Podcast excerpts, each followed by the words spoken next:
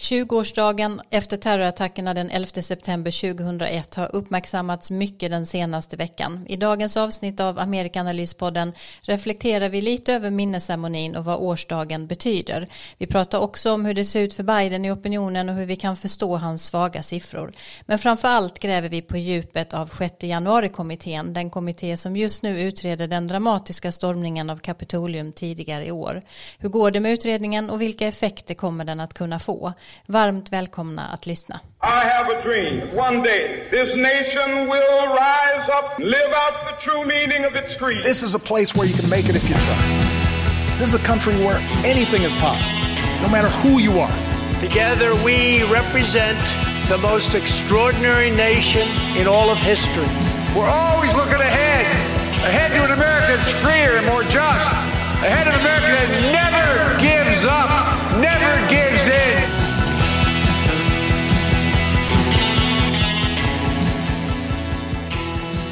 Ja, varmt välkomna. Vi som gör denna podd är tre forskare och en journalist och författare. Alla med decenniers erfarenhet av amerikansk politik och samhällsutveckling. Vi vill lyfta saker om USA som inte alltid får plats i media eller fördjupa sånt som det ofta pratas om men som är lite mer komplicerat än vad ett vanligt medieformat kan beskriva. Vi kommer vara lite olika uppställningar under hösten men idag säger jag hej till Karin Henriksson och Erik Åsad. Hej. Hej, hej. Eh, först Erik, jag har ju eh, engagerat dig i ett annat projekt här under hösten. Jag är nämligen gästredaktör för Statsvetenskaplig tidskrift och ett specialnummer som ska komma ut om demokratiutmaningar i USA. Det ska inte komma ut förrän efter nyår och det är flera väldigt eh, duktiga forskare som ska skriva här. Men du Erik skriver en artikel och jag vet att du jobbar med det nu. Kan du säga något om vad det handlar om?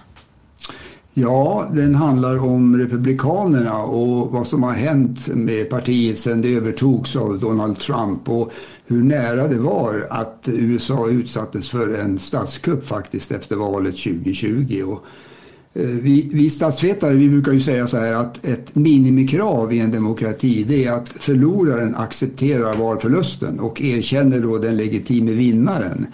Och i USA så har det skett 57 gånger, jag kollar den där siffran, att förlorarna i presidentvalen har godtagit att de har förlorat. Och ibland har det skett motvilligt, men dock. Eh, och det har sen följts av vad man kallar för a peaceful transfer of power. En fredlig maktväxling som amerikanerna länge har varit så stolta över. Men två gånger har motsatsen inträffat. Första gången 1861 Eh, då det var en grupp sydstater som vägrade erkänna eh, Abraham Lincoln som legitim president. Och, sen då, nu senast 2021, då Donald Trump fick stora delar av sitt parti att tro att han vann valet trots att han förlorade det stort. Och som sen hetsade mobben eh, den framför Kapitolium för att stoppa ratificeringen av, av valresultatet. Och vi vet vad som hände 1861, det följdes ju av ett inbördeskrig. Och Frågan är ju nu vad som kommer att hända eh, under de kommande åren här, månaderna och åren. Och jag gör inte några förutsägelser i den här artikeln men jag tror att de två kommande valen 2022 och 2024 blir avgörande för utvecklingen.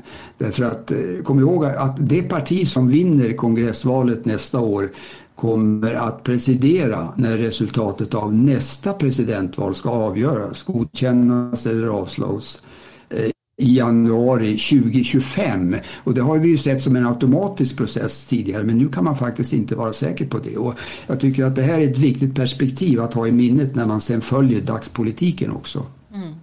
Jätteintressant. Vi kommer ju få anledning att komma tillbaka till det när det här eh, temanumret är klart och kanske också då ha med någon av de andra skribenterna som ska bidra till detta. Det kommer bli ett väldigt intressant nummer men det ligger några månader fram.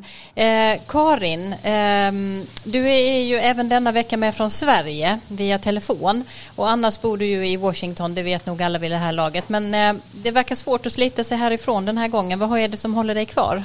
Ja, det är en bra fråga. I första hand är naturligtvis Sverige också att eh, det, är ju lite obehagligt just nu i, eh, i USA med de nya pandemisiffrorna.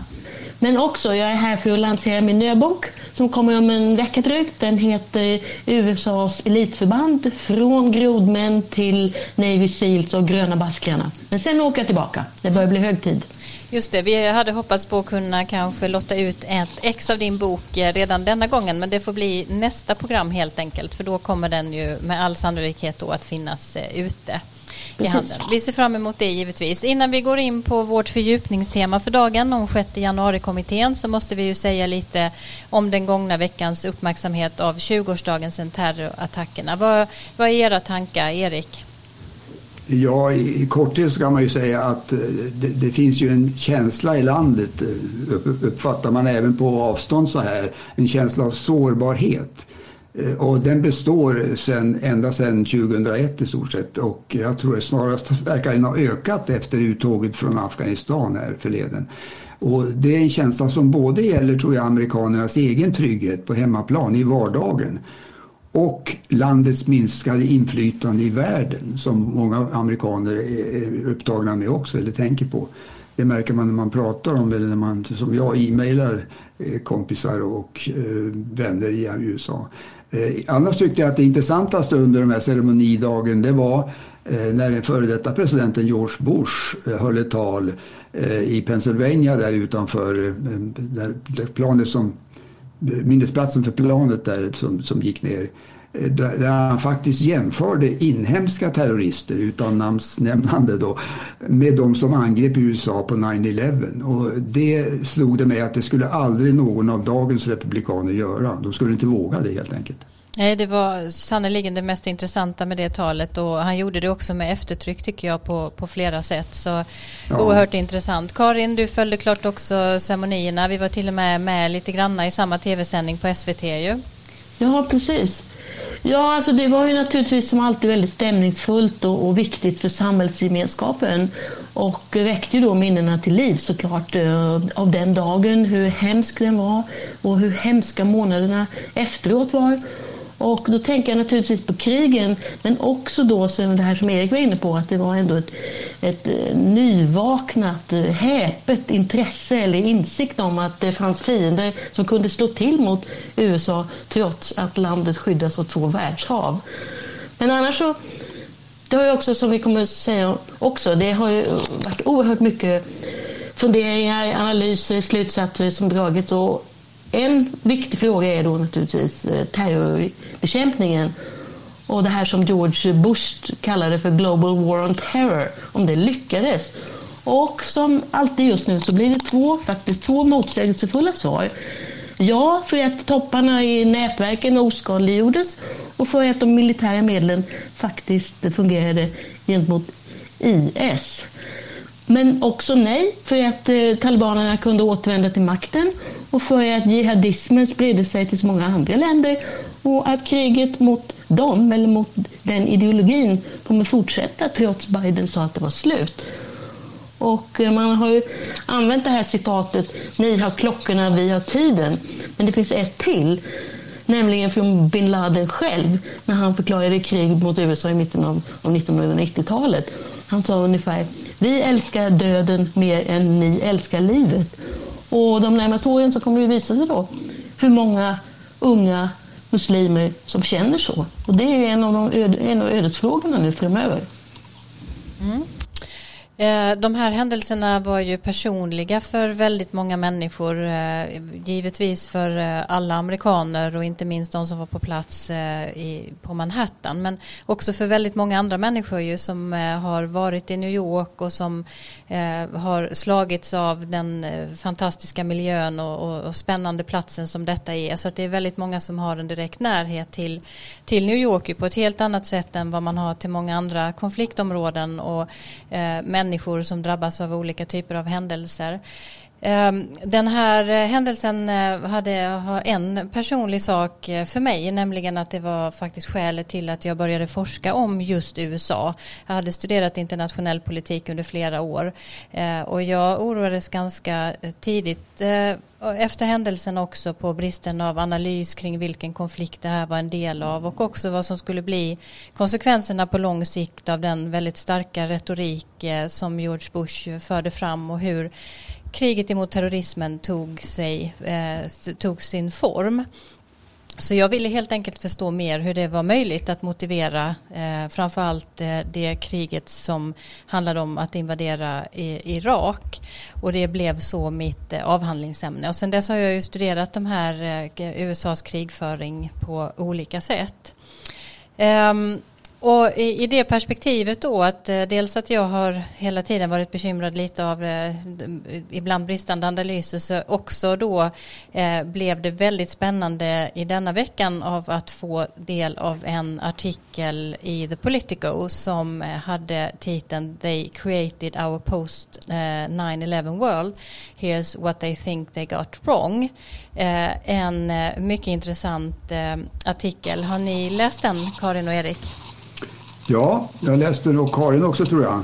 Ja, och en massa andra genomgångar också. Och, ja. eh, men och sen har jag, jag lite fokuserad på bin Laden och hans roll och har då läst Peter Bergens biografi om, om Osama bin Laden. Den är väldigt tydlig och välskriven om, om hans eh, förvandling från stenrik son till en saudisk byggmagnat till ledare för ett terrornätverk som var väl det starkaste som vi har sett. Och eh, det finns ju också olika tolkningar just nu. Å ena sidan då så påverkar han världshistorien på ett sätt som väldigt få enskilda individer faktiskt har gjort. Och de stämningarna han utlöste levde kvar och också förhållandena i de länderna i många fall. Diktatur, fattigdom och nu med klimatproblemen, torka, ökenutbredning. Och å den andra sidan så kunde han ju aldrig genomföra ett, ett lika spektakulärt dåd till och amerikanska statsmakten utvidgade sina övervakningsresurser och också fler trupper i Mellanöstern, skickade fler trupper till Mellanöstern. Mm.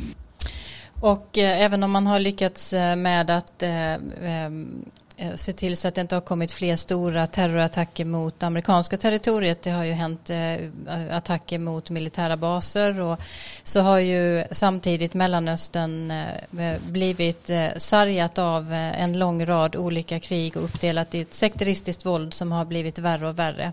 Ehm, så det är ju alltid i betraktarens ögon också vad som är eh, framgång på olika sätt. Men det som, jag har ju självklart också läst en lång rad olika artiklar och eh, analyser av detta. Men det som är så intressant med den här artikeln i Politico som jag sa det är att den, eh, i den uttalar sig ju inte mindre än 17 prominenta personer inifrån kärnan av Bush-administrationen och CIA och de som verkligen satt och formade kriget mot terrorismen på olika sätt. Och de talar ut om sin syn på vägvalen man gjorde. Jag tror att det är ganska unikt att man har fått till eh, den här ehm, eh, stora blandningen av personer inifrån Bush innersta krets. Och där kan man läsa om hur tidigare ministern för Homeland Security, till exempel Michael Chertoff, eh, önskar att man hade tagit ett djupt andetag innan man valde strategi för kriget emot terrorn.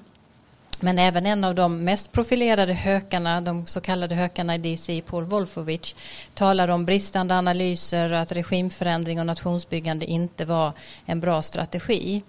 Eh, och flera av de intervjuade använde också begreppet overreach eller overstretch, att man eh, har tagit, haft överambitiösa planer att dominera områden som inte låter sig domineras och hur krigen till delar har blivit kontraproduktiva. Och det är en oerhört intressant artikel på det sättet eh, och det finns eh, ju också exempel givetvis på eh, personer som intervjuas här som tycker att det var rätt strategi att gå in i Irak och, och som till exempel David Petraeus som inte heller vill svara på frågan riktigt om Irakinvasionen var fel eller om det var värt det.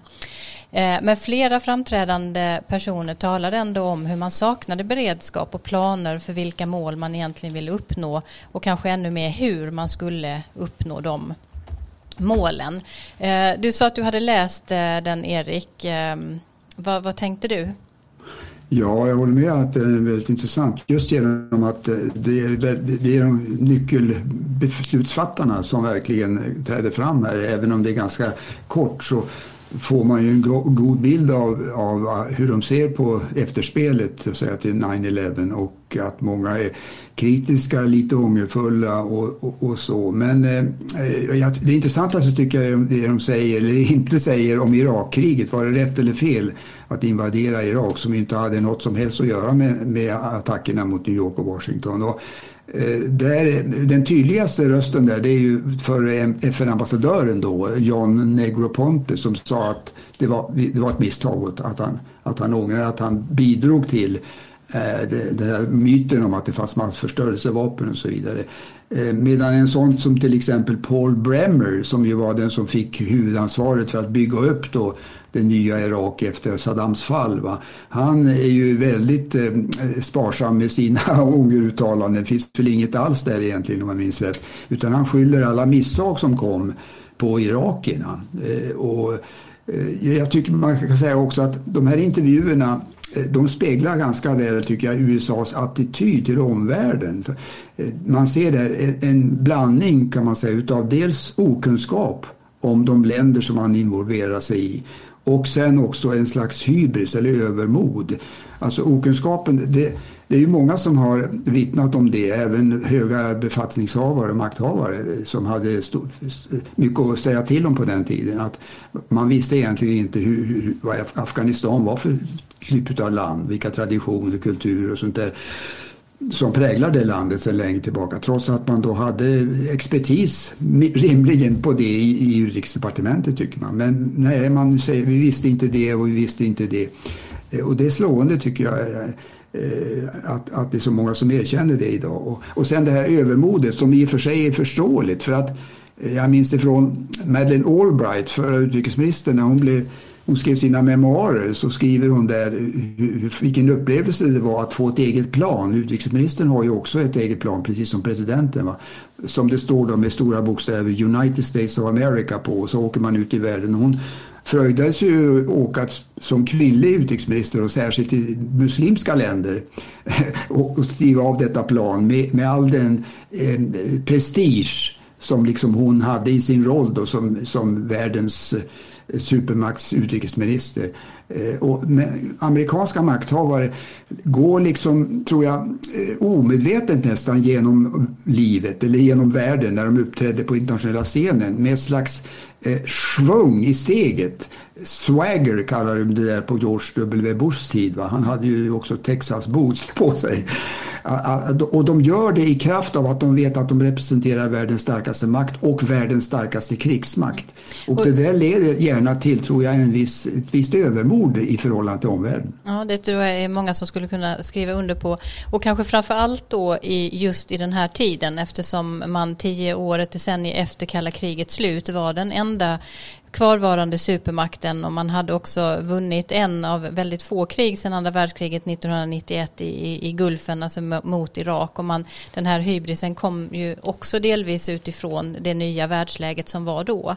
Eh, ja. Och sen är ju många överens idag om att det faktiskt eh, delvis, eh, eller på många sätt till och med har gått Eh, fel. Kanske sprunget ur just den hybrisen i kombination med okunskapen du pekade ut. Jag tycker i alla fall att det är oerhört intressant för det har nog hänt någonting i Washington som vi inte sett eh, tidigare och Bidens tal efter att man har dragit sig ur Afghanistan, borttaget eh, själva tillbakadragandet och, och den kritiken som finns mot det så visar det ändå tydligt att det uttrycks något som inte har artikulerats på det sättet tidigare. Eisenhower minns vi, han lyfte det militärindustriella komplexet som ett problem i sitt avskedstal men det fick inga direkta återverkningar i policyutformningen som det nu kan komma att få direkt ifrån att Biden har en annan eh, linje när det kommer till utrikespolitiska vägval.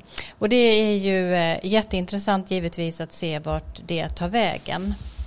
Ehm, du nämnde också innan eh, Bush, eller vi nämnde också innan George Bush tal här som var intressant utifrån det faktum ju att USA idag, 20 år senare, eh, har försvagats delvis utrikespolitiskt men också brottas med väldigt många problem inrikespolitiskt och det är ju givetvis för en supermakt av den eh, storleken ett, också ett stort problem. Eh, Karin, nu har vi inte hört eh, av dig på länge. Vill du säga någonting mer om de här ceremonierna?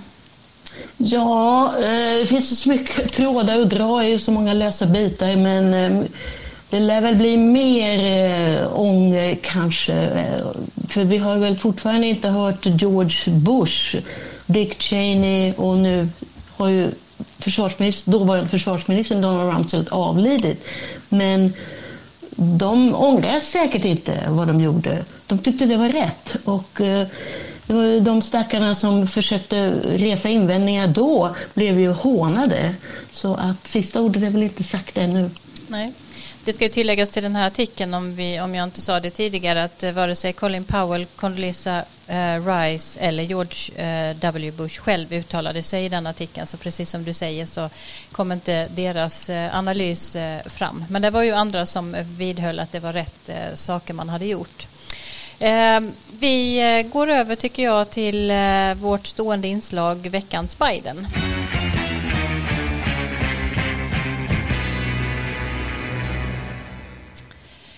Ja, Biden har haft många bakslag den senaste perioden och fler kan det bli om förhandlingarna om ett infrastrukturpaket havererar och, och det inte blir något beslut om att höja det så kallade skuldtaket. Det är ett par exempel på det. Men han har nu återvänt till vaccinationerna och höjt tonläget påtagligt där och vi ska lyssna på ett litet inslag om hur det lät häromdagen. Over 200 million Americans have gotten at least one shot.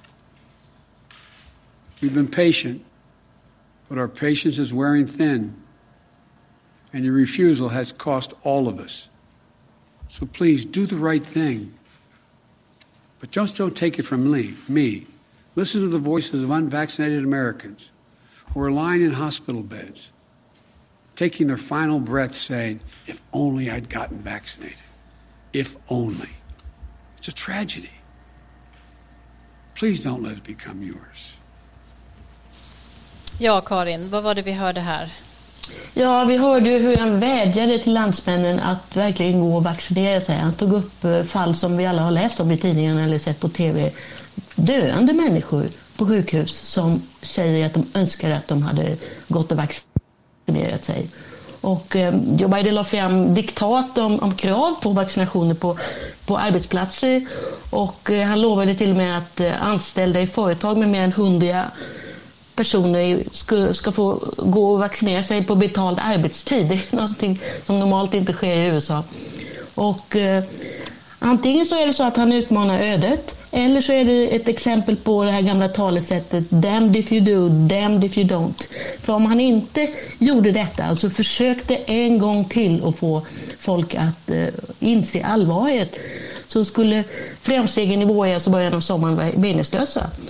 Och, eh, hans utspel möttes omedelbart av mycket starka protester från i synnerhet republikanska guvernörer och eh, de talar om Biden som en diktator och så vidare. Och samtidigt så finns det då eh, statistik som säger att USA ligger sist i vaccinationsligan i, i G7, alltså de sju stora industriländerna. Så det, är, det, är, det är nog inte lätt att vara Joe Biden just nu. Nej. Av många skäl, detta bland annat. Ja, och ska vi bara, nu är de flesta av våra lyssnare eh, pålästa och eh, insatta i många saker, men ska vi ändå bara säga någonting om det pågående läget? För att det är väldigt allvarligt nu vad jag har förstått i många delstater och där man har högre dödstal nu än vad man har haft eh, nästan någonsin tidigare under den här pandemin.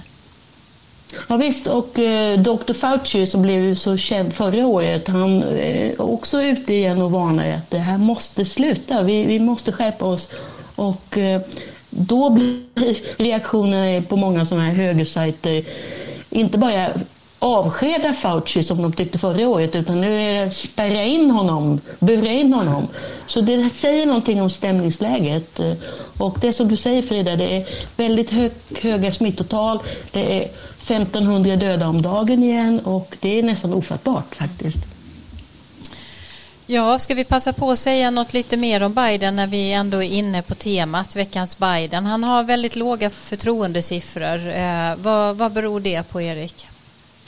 Ja, det beror ju på de här sakerna vi har varit inne på nu. Alltså, uttåget ur, ur Afghanistan tror jag var särskilt eh, negativt för honom genom på det sätt det skedde och sen att pandemin har tagit fart igen. Men eh, egentligen så är de här siffrorna, han har ju gått ner då, han låg ju över 50 procent eh, ungefär i nivå med valresultatet när han började sin presidentperiod i januari och sen dess har det gått ner och nu ligger han väl på 40, någonstans 44-46 Eh, nationellt. Eh, och eh, det är, det är, inte så avvikande från andra presidenter. Trump till exempel kom ju aldrig över 50 procent i någon respekterad mätning under hela sin period som president. Och det visar ju framförallt, tror jag, att landet är kolossalt delat. Och oavsett vem som är president egentligen numera, har svårt att nå över 50 procent i förtroendesiffror. Och det har blivit liksom det nya normala. Och jag tittade här eh, efter en motsvarande händelse som Afghanistan faktiskt eh, på Kennedys tid. Ni kommer ihåg när, när han hade tillträtt så invaderade man Kuba, eller man försökte göra det där i Grisbukten. Det var i april 61 var det. Eh, och då eh, var, gjordes det en eh, mätning efter den misslyckade, totalt misslyckade invasionen.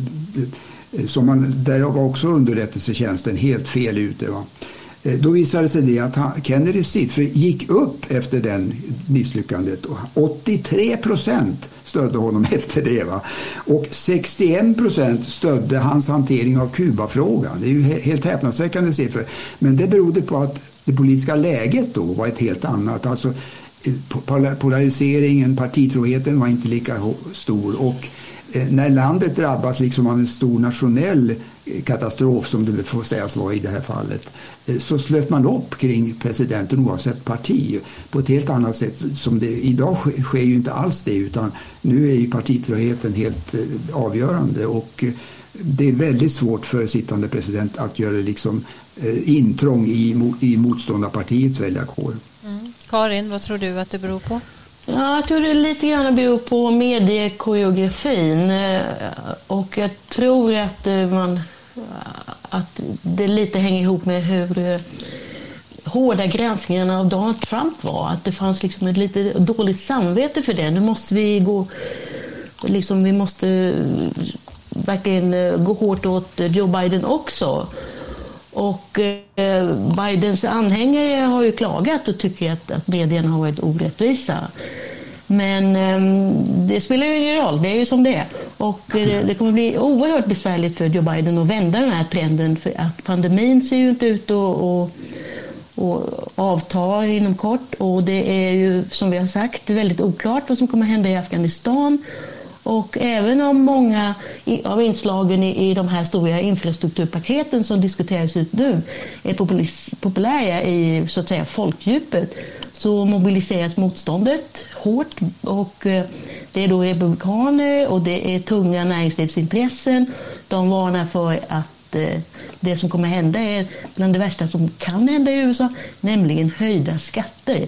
Så det kan bli uppförsbacke där också, trots att det i sig är populära inslag.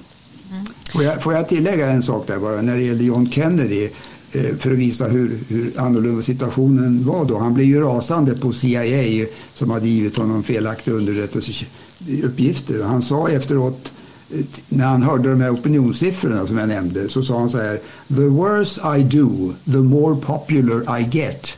Och det, den, den, frasen kan ingen nuvarande president säga efter ett misslyckande. Nej. Eh, när Trump var president så talades det väldigt mycket om hans låga siffror och, eh, här i Sverige. Eh, och vi har inte sett lika mycket skriverier om det när det gäller Biden. Eh, vad beror det på, Karin, de här skillnaderna? Ja, jag höll på att säga att eh, jag tror jag hävdat här i podden att eh, Donald Trump är slut och jag måste då medge att det verkar dröja. Men ett faktum är att hans namn förekommer ganska sällan i, i den amerikanska rapporteringen av aktuella in och utrikespolitiska frågor. För han har ingen makt. Och han upprepar samma sak om och om igen på massmötena och intervjuer i tv, bara av så att säga snälla eller vänligt inställda utfrågare. Och nu så verkar han, det är nästan lite desperat tycker jag, att han eh, läcker öppet att han verkligen funderar på, på valet 2024. Han vill alltså vara, stå i centrum. Men att hålla igång en valrörelse i tre år, mer än tre år, kan bli väldigt svårt. Och eh, särskilt då som en del av partikamraterna har avlägsnat sig från honom. Det är ingen tvekan om det. Men eh, sen är det ju tycker jag i alla fall, och många med mig tror jag, att eh, han fortsätter nu då och, och verkligen tänja på anständighetens gränser. Som nu de senaste veckorna så har han ju då till exempel sagt till mamman till en av de stupade soldaterna i, på flygplatsen i Kabul att hennes vackre son Karim skulle vara i livet om, om han hade varit president. Och det är återigen då ett tecken på att han inte verkar ha någon känsla för vad det innebär att vara president. Det var ju soldater som dog på slagfältet så att säga även under hans tid i makten. Och han hade citattecken tur, slutcitat, för att inget dramatiskt hände. Och likaså så var han ute på 9-11 och även då kritiserade han Joe Biden. Det är ändå någonting som är... Ja, det har nog aldrig tidigare hänt på det sättet att en president kritiserar sin efterträdare på det grova sättet. Men och han, han liksom på något sätt hela tiden också ser till att det inte hans roll skärskådas särskilt mycket. Det var ju till och med rykten om att han, när han höll på att förhandla med talibanerna, att han tänkte bjuda in dem till Camp David. Och där var det förmodligen någon som stoppade detta och det kan man ju säga så här i efterhand att det var väl synd för om det hade skett så hade det ju funnits möten bilder och möten mellan Trump och, och talibanerna. Det hade ju sett ganska snyggt ut så här i efterhand.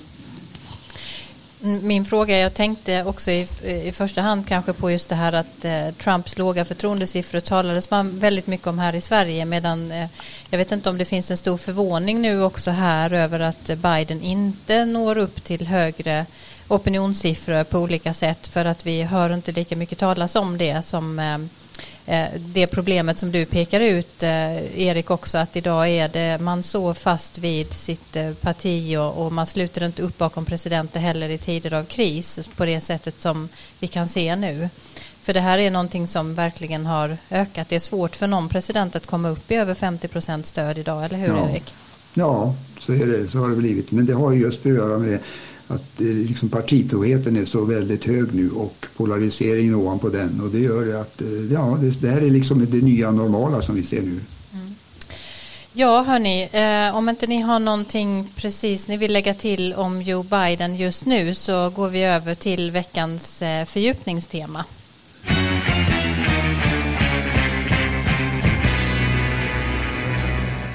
Ja, vi ska prata om den kommitté i representanthuset som just nu undersöker stormningen av Kapitolium den 6 januari i år. Hur ser dess arbete ut och vad kan den leda till? Det är sånt som vi ska försöka reda ut lite av. Först lite bakgrund. Kommittén tillsattes den 1 juli efter att den republikanska partiledningen i kongressen motsatte sig en särskild kommission för att utreda händelsen. En kommission som skulle ha bestått av lika många demokrater som republikaner med samma befogenheter befogenheter. Istället beslöt talmannen Nancy Pelosi att bilda en särskild så kallad Select Committee som alla demokrater röstade för i kammaren medan alla republikaner utom två röstade emot.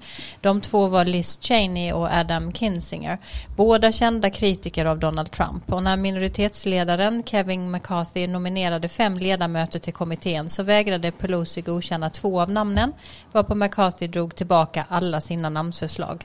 Kommittén består nu av nio nio ledamöter som alla utnämnts av Pelosi, sju demokrater och två republikaner, Cheney och Kinzinger.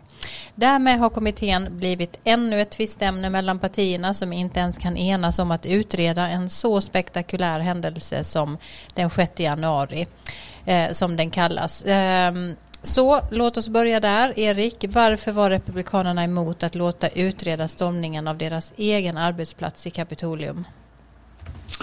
Eh, därför att Donald Trump inte ville det.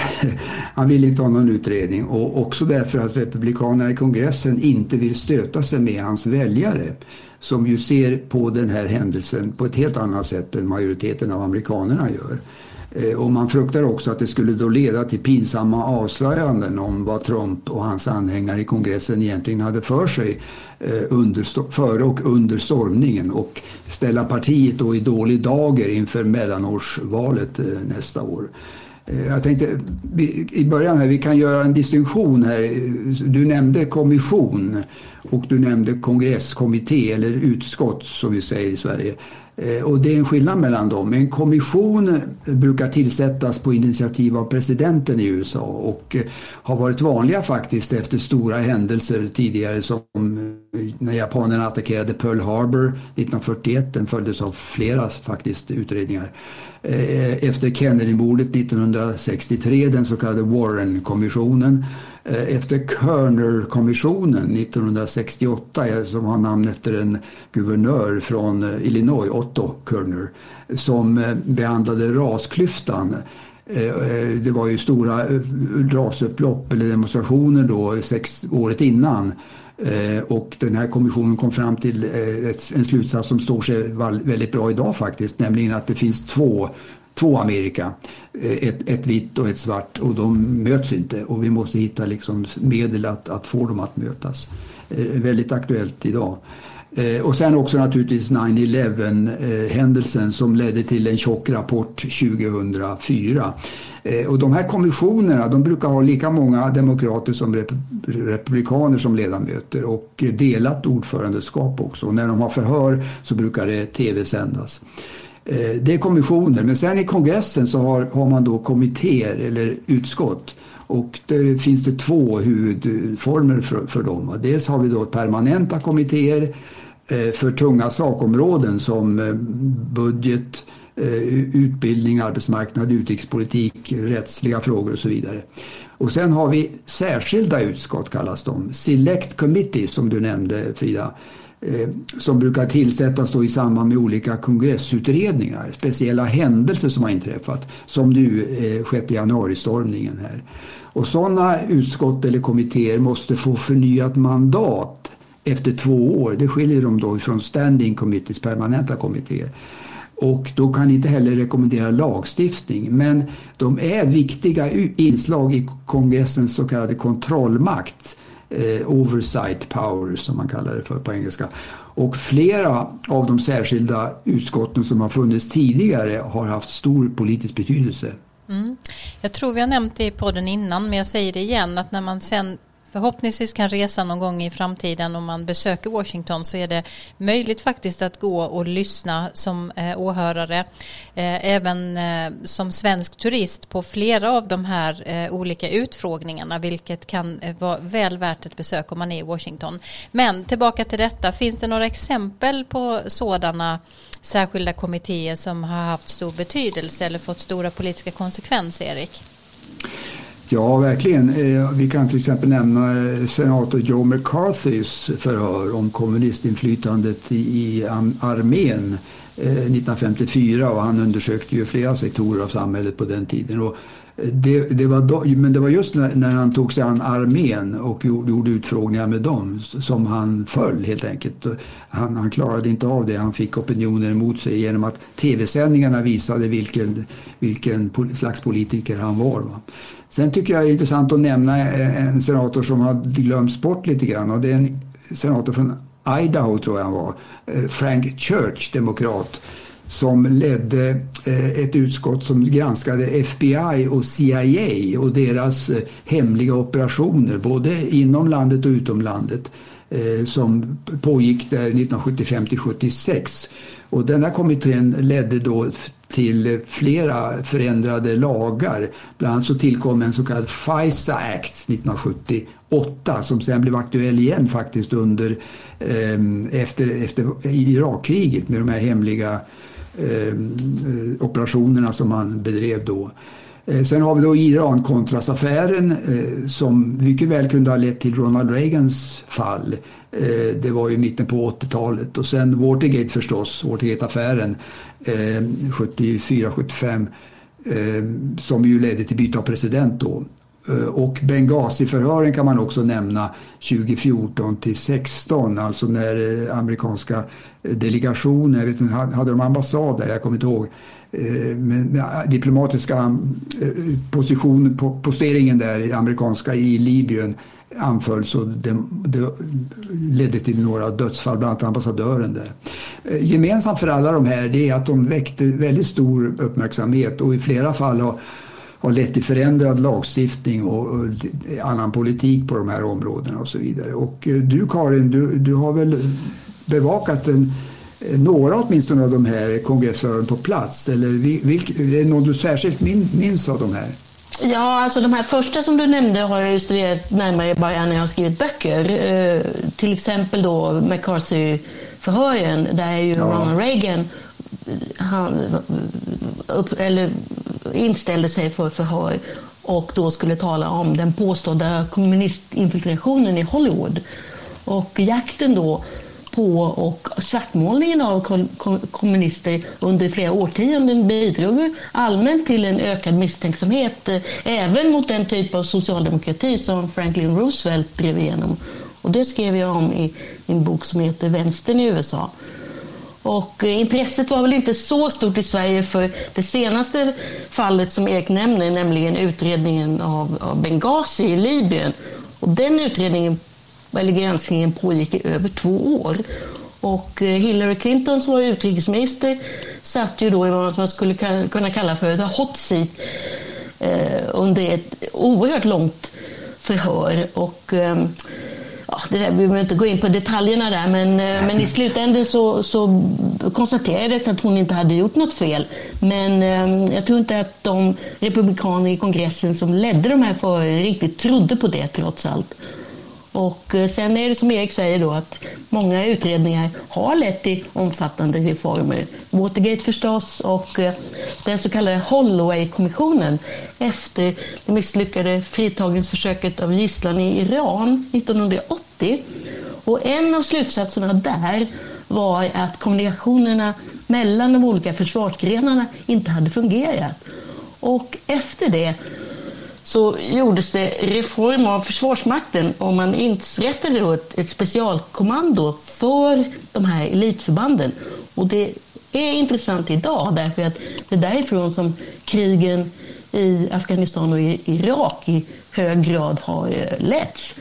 Och det var också därifrån som räden mot Osama bin Laden planlades. Så det där säger någonting om, om vad som kan hända. Ja, det där är mycket intressant. Eh, jag tror ju att när det gäller 6 januari-kommittén nu då, så kommer det att få stort genomslag i medierna. Sen om vilka resultat det kommer att få på politiken och kommande valrörelse det är kanske svårare att säga någonting om. Men, men säkert är att det kommer att bli en av de största stridsfrågorna framöver. Och det beror på att partierna har helt olika syn på vad som hände den 6 januari. Eh, det visade sig när eh, utskottet hade de första tv-sända förhören med några av de polismän som vittnade i somras eh, det var i slutet av juli, om hur de hade anfallits av beväpnade demonstranter och fruktade faktiskt en del av dem för sina liv. Vi ska lyssna till en av de poliserna som vittnade i de här tv-sända förhöret i somras. Han heter Michael Fanone. Han berättar här om vad han fick utstå hur han vädjade till angriparna att inte döda honom. Jag har barn, I have kids, skrek han till dem. Och sen hur han upplevde situationen efteråt tillsammans med en kollega. Det är lite långt citat det här men det är värt att lyssna på. What happened afterwards is much less vivid. I had been beaten unconscious and remained so for more than four minutes. I know that Jimmy helped to evacuate me from the building and drove me to MedStar Washington Hospital Center despite suffering significant injuries himself. At the hospital, doctors told me that I had suffered a heart attack, and I was later diagnosed with a concussion, a traumatic brain injury, and post traumatic stress disorder. As my physical injuries gradually subsided and the adrenaline that had stayed with me for weeks waned, I've been left with the psychological trauma and the emotional anxiety of having survived such a horrific event and my children continue to deal with the trauma of nearly losing their dad that day. What makes the struggle harder and more painful is to know so many of my fellow citizens, including so many of the people I put my life at risk to defend, are downplaying or outright denying what happened. I feel like I went to hell and back to protect them and the people in this room. But too many are now telling me that hell doesn't exist or that hell actually wasn't that bad. The indifference shown to my colleagues is disgraceful. Ja, eh, de politiker som han kritiserar här, man hör ju hur upprörd han är. Det är framförallt de här republikanerna som har bagatelliserat den här händelsen och talat om angriparna som vanliga turister som en av dem sa. Och eh, även Donald Trump själv som har beskrivit det hela som en kärleksfest, a love fest. Där det inte förekom något våld alls, säger han nu, utan bara demonstranter och poliser som omfamnade varandra. Det är den vision nu som man vill eh, berätta om, om, om, om vad som hände. Eh, det här innebär, alltså många republikaner tror idag på en dubbel lögn. Dels, Eh, ja det uppgår till 70 procent i vissa mätningar när man eh, frågar om detta. Dels att Donald Trump vann valet 2020. Dels att det inte var någon stormning av Kapitolium den 6 januari. Utan istället att det var Ja, det var en stormning, men det var inte alls i något illasinnat syfte utan det var en patriotisk akt, säger man. Och de som brukade våld, de var förklädda Antifa eller Black Lives Matter-anhängare. Jag har faktiskt inte hört att man har beskrivit det här som en kärleksfest så att jag blir eh, oerhört eh, förvånad. Det är, det är ju eh, ja, extremt anmärkningsvärt. Men, men så här lät det väl inte omedelbart efter stormningen. Då, då kom eh, flera fördömanden från ledande republikaner också om jag minns rätt. Absolut. Eh, till exempel minoritetsledaren Kevin McCarthy och även senator Lindsey Graham som ju är Trump-anhängare verkligen. Eh, och även flera var, först kritiska men nu har de ändrat sig. Eh, McCarthy sa först i kammaren faktiskt att Trump var ett ansvar för stormningen sa han och kritiserade honom. Men sen åkte han eh, kort därefter ner till Mar-a-Lago i Florida och vänslades med, med Donald Trump, och kysste hans ring. Eh, som man brukar säga. Eh, Lindsey Graham sa omedelbart efter stormningen, då han var väldigt omtumlad, ni kanske kommer ihåg tv-bilderna där, att han hade fått nog av samvaro med Trump nu. Nu fick det bara, nu, detta, this is it. Eh, bara för att kort efteråt ta plats igen på Air Force One och försonas igen med, med, sin ledare. Och vad handlar det här egentligen om? Jo, det handlar tror jag om en ren partitaktisk kalkyl och det har även Graham sagt rakt ut att de fruktar att de kan inte vinna valet nästa år utan stöd av de Trumpväljare som fortfarande finns där ute. Va? Och därför böjer de sig för Donald Trump. Mm. Hur ser konfliktnivån ut eh, nu? Ja, den är ju hög och ökande. Eh, och ökar ju markant här i slutet av augusti när utskottets ordförande, det är en representanthusledamot från Mississippi, en demokrat som heter Benny Thompson. Han meddelade då att de har krävt nu att få, få material från sju federala myndigheter och ett 30-tal av Trumps medarbetare i Vita huset eh, var de, det material som rör dem.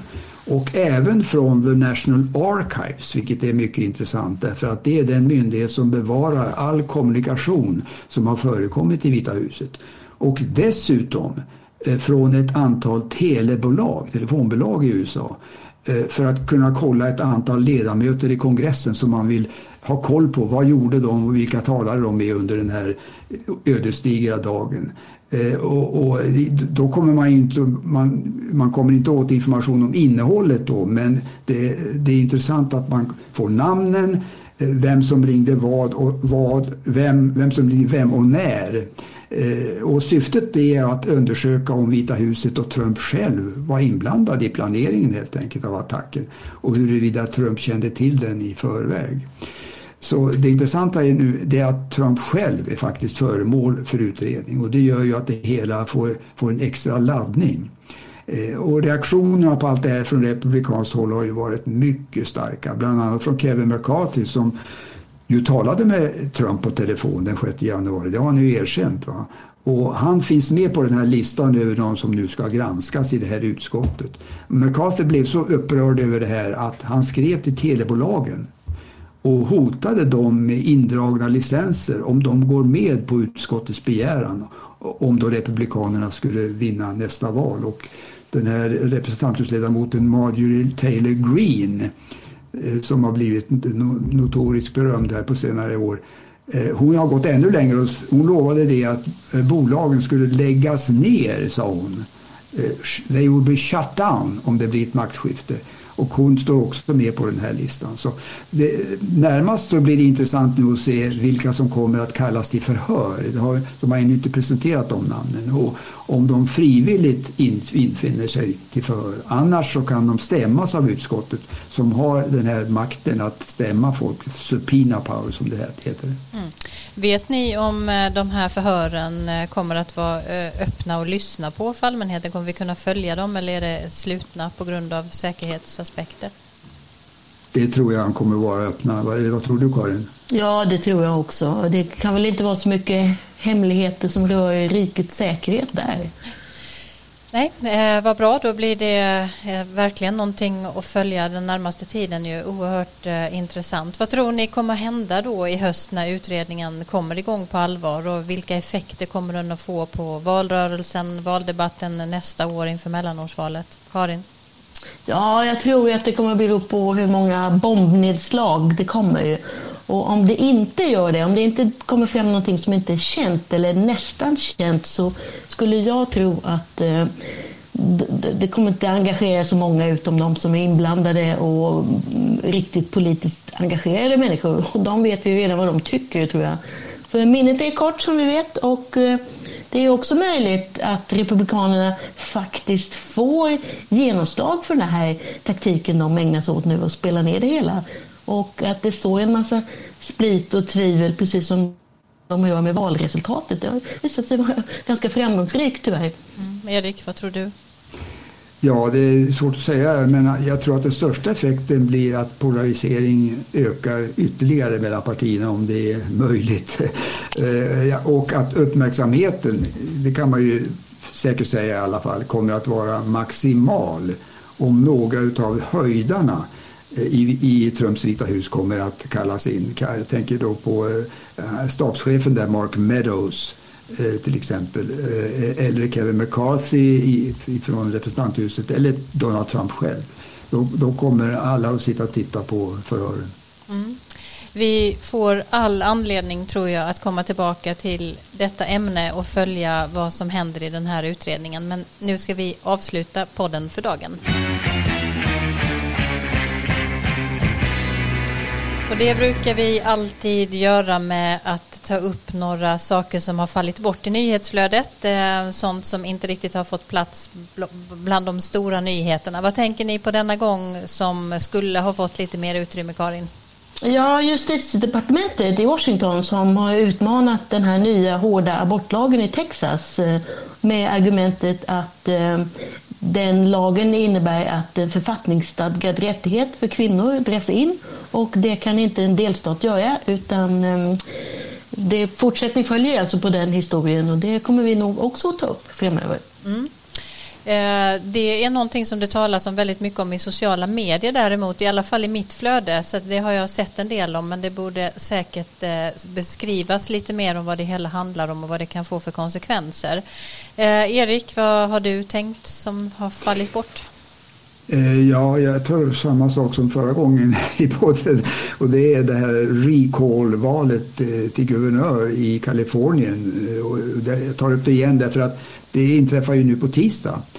Eh, eh imorgon, eh, vi spelar ju in på måndag här. Och eh, nu verkar det som om sittande guvernören, eh, demokraten Gavin Newsom, eh, klarar sig. Det, det står ju, eh, liksom, han står ju inför, de får rösta ja eller nej till honom som fortsatt guvernör. Eh, och får han nej, skulle han, skulle han mer än 50 procent rösta nej, då blir den som får högst Eh, Eh, bland högst eh, antal röster bland republikanerna. Det finns en 46 stycken kandidater att välja på. Eh, blir automatiskt guvernör då. Men det verkar faktiskt inte luta åt det. Men jag noterade också att flera av de republikaner som ställer upp där som guvernör, de har sagt att om de förlorar, om Gavin Newsom inte, om han skulle klara sig, Eh, då kommer de att hävda att valet är riggat. Och där ser man igen influenserna från Donald Trump. Han har liksom satt en ny standard för hur republikaner ska uppträda i val. Man accepterar inte nederlag helt enkelt och det är mycket allvarligt. Mm. Nästa poddavsnitt kommer vi att veta hur det här valet har gått som du också pratade om redan förra veckan. Med det tackar vi för oss från Amerikanalys för den här gången. Erik Åsard, Karin Henriksson och jag Frida Strand. Vi är tillbaka igen den 23 september. Tills dess, fortsätt hålla avstånd, var klok och var rädd om dig själv och andra. I have a dream. One day, this nation will rise up, live out the true meaning of its creed. This is a place where you can make it if you try. This is a country where anything is possible, no matter who you are. Together we represent the most extraordinary nation in all of history. We're always looking ahead, ahead to an America that's freer and more just, ahead of an America